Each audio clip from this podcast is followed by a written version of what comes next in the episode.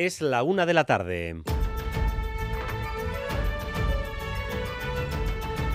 Crónica de Euskadi con Dani Álvarez. Arrachaldeón, israelíes y palestinos pugnan por llevarse la simpatía internacional, lo que en nuestro país algunos llaman la batalla del relato. Israel tiene claramente el respaldo de Occidente. Estados Unidos les va a apoyar, hagan lo que hagan, aunque Europa tenga ahí algunos matices. Con los palestinos están los árabes, pero cuentan con el respaldo entusiasta, sobre todo, de Irán.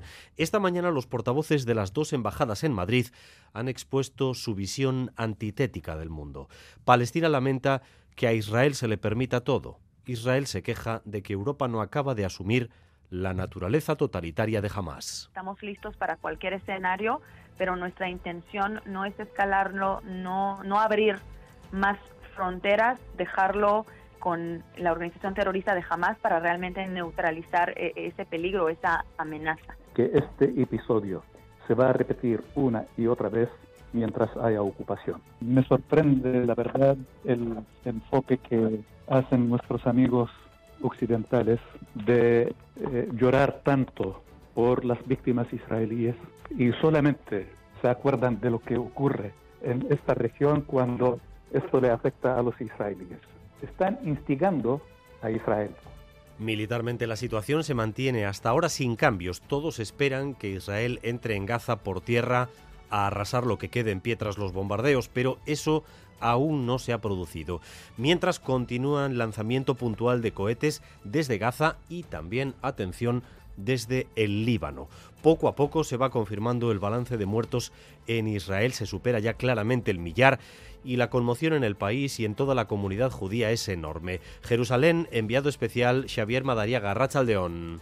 Arracha León Bay, Israel cuenta al menos 1.200 personas fallecidas. Palestina acaba de hacer su último recuento de 1.055 muertos. Y cada minuto que pasa las cifras superan todo lo que habíamos visto en décadas. Y eso que todavía, como decís, no ha arrancado el operativo terrestre en la franja, mientras el castigo colectivo en Gaza se convierte en enfado colectivo en Cisjordania, donde sus ciudades principales dicen basta en protestas que toman las calles. En Gaza el número de víctimas es difícil de precisar porque el bloqueo total de esa franja convierte el contacto con el interior en algo muy complicado y más lo va a ser eh, a partir de ahora, a partir de este mediodía, porque la falta de combustible va a dejar a Gaza completamente sin luz alrededor de las 2 de la tarde.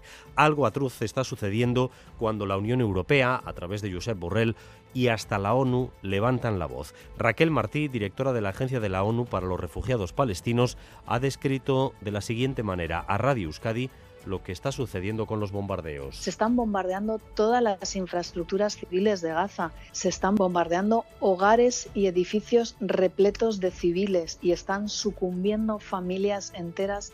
De este casi millar de muertos, 260 son niños y niñas. Hay en total 22 familias que han perdido a todos sus miembros o a la casi totalidad de sus miembros.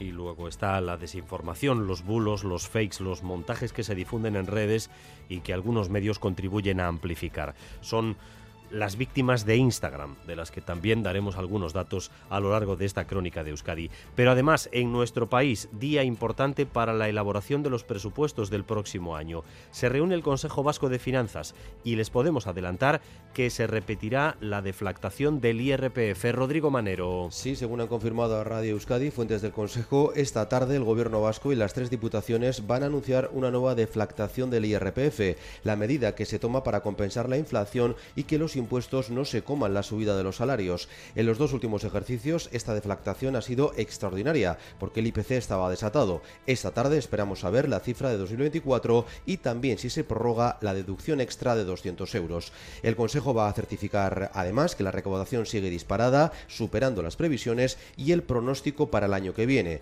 que todas las instituciones usarán luego para hacer sus presupuestos. Tres niños y su madre han muerto en el incendio de un edificio ocupado en Vigo. Los vecinos aseguran que ha sido intencionado y señalan a un vecino con el que tenían problemas. Hay otros ocho heridos en los hospitales. Natalia Serrano. Y entre ellos está el resto de la familia. Una pequeña de 8 años está hospitalizada muy grave y el padre de la familia que se encuentra en la UCI. El fuego comenzaba a las 4 de la madrugada en un edificio muy céntrico en Vigo que no obstante estaba ocupado desde hace un año. Desde hace un mes la propiedad había denunciado la ocupación en juzgados para iniciar el desalojo. Los vecinos insisten en que ha sido intencionado y señalan directamente a un convecino con el que dicen tenían problemas. Incluso dan sus nombres y apellidos. Las autoridades, sin embargo, dicen que es pronto para saber si ha sido provocado y los vecinos de esa zona de Vigo, pues durante toda la mañana han denunciado la situación que se vivía ni la policía puede actuar porque vienen constantemente, porque se pelean entre ellos, palos, botellas. Una pasada. Y no se puede hacer nada porque la ley deja que esto pueda suceder. Estamos cansados de denunciarlo, pero no hay manera. Ahora sí, ahora ven todo el mundo. Ahora que murieron cuatro rapaces, ahora sí. Ahora vimos todos aquí a llorar. Una de las leyendas de la cocina, Hilario Arbelaitz, es homenajeado en el Congreso San Sebastián Gastronómica por su trayectoria. Recibe el aplauso de la clientela y de los referentes que también han aprendido de él.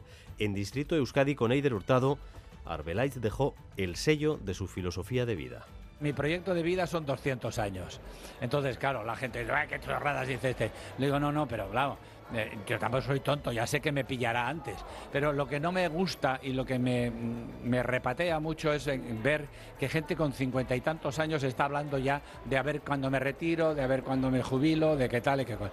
Creo que eso no es un proyecto para un país y Europa se está quedando envejecida, se está quedando burocrática. Yo creo que aquí nos lo tenemos que hacer mirar.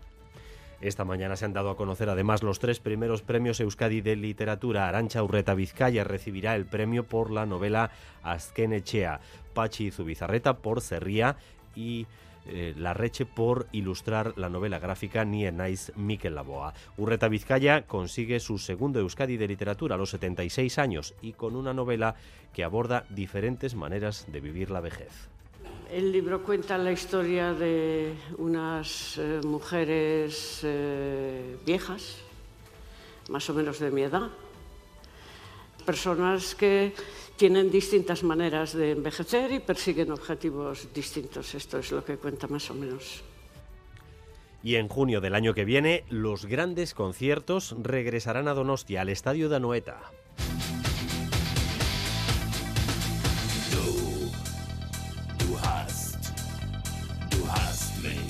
porque Ramstein actuarán en el Reale Arena el 5 de junio dentro de su gira europea. Las entradas se pondrán a la venta el próximo miércoles 18 de octubre.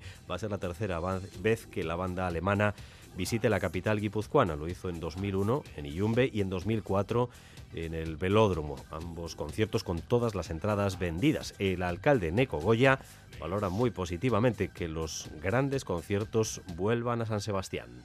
Vuelven los grandes conciertos a Donostia y vuelven los grandes conciertos al Estadio de Anoeta renovado. Ese era nuestro objetivo desde que se renovó eh, la instalación, pero la verdad es que la pandemia no nos lo puso en absoluto fácil y aunque sea un poco más tarde, pero tendremos ocasión de inaugurar por todo lo alto el nuevo Estadio de Anoeta con un gran concierto de Ramstein el próximo 5 de junio, en el año 2024, y estoy seguro de que lo vamos a poder disfrutar y sobre todo lo vamos a poder llenar a tope.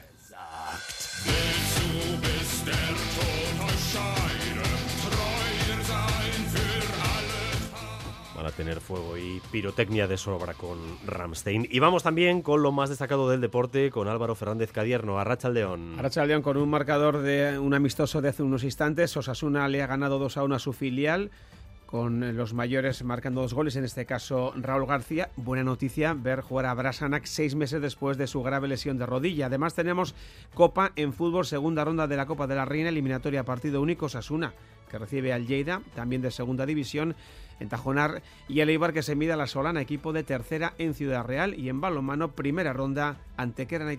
Sin cambios en el tiempo, con más viento sur y temperaturas altas durante el puente más de lo mismo hasta el sábado que parece que es cuando podría volver la lluvia en nuestro país. 27 grados en Donostia, 26 en Bayona, 25 en Bilbao, 22 en Gasteiz, 21 grados de temperatura en Iruña. Gracias un día más por elegir Radio Euskadi y Radio Vitoria para informarse. Raúl González y José Ignacio Revuelta se encargan de la dirección técnica y Asier Herrero de la coordinación. Crónica de Euskadi con Dani Álvarez.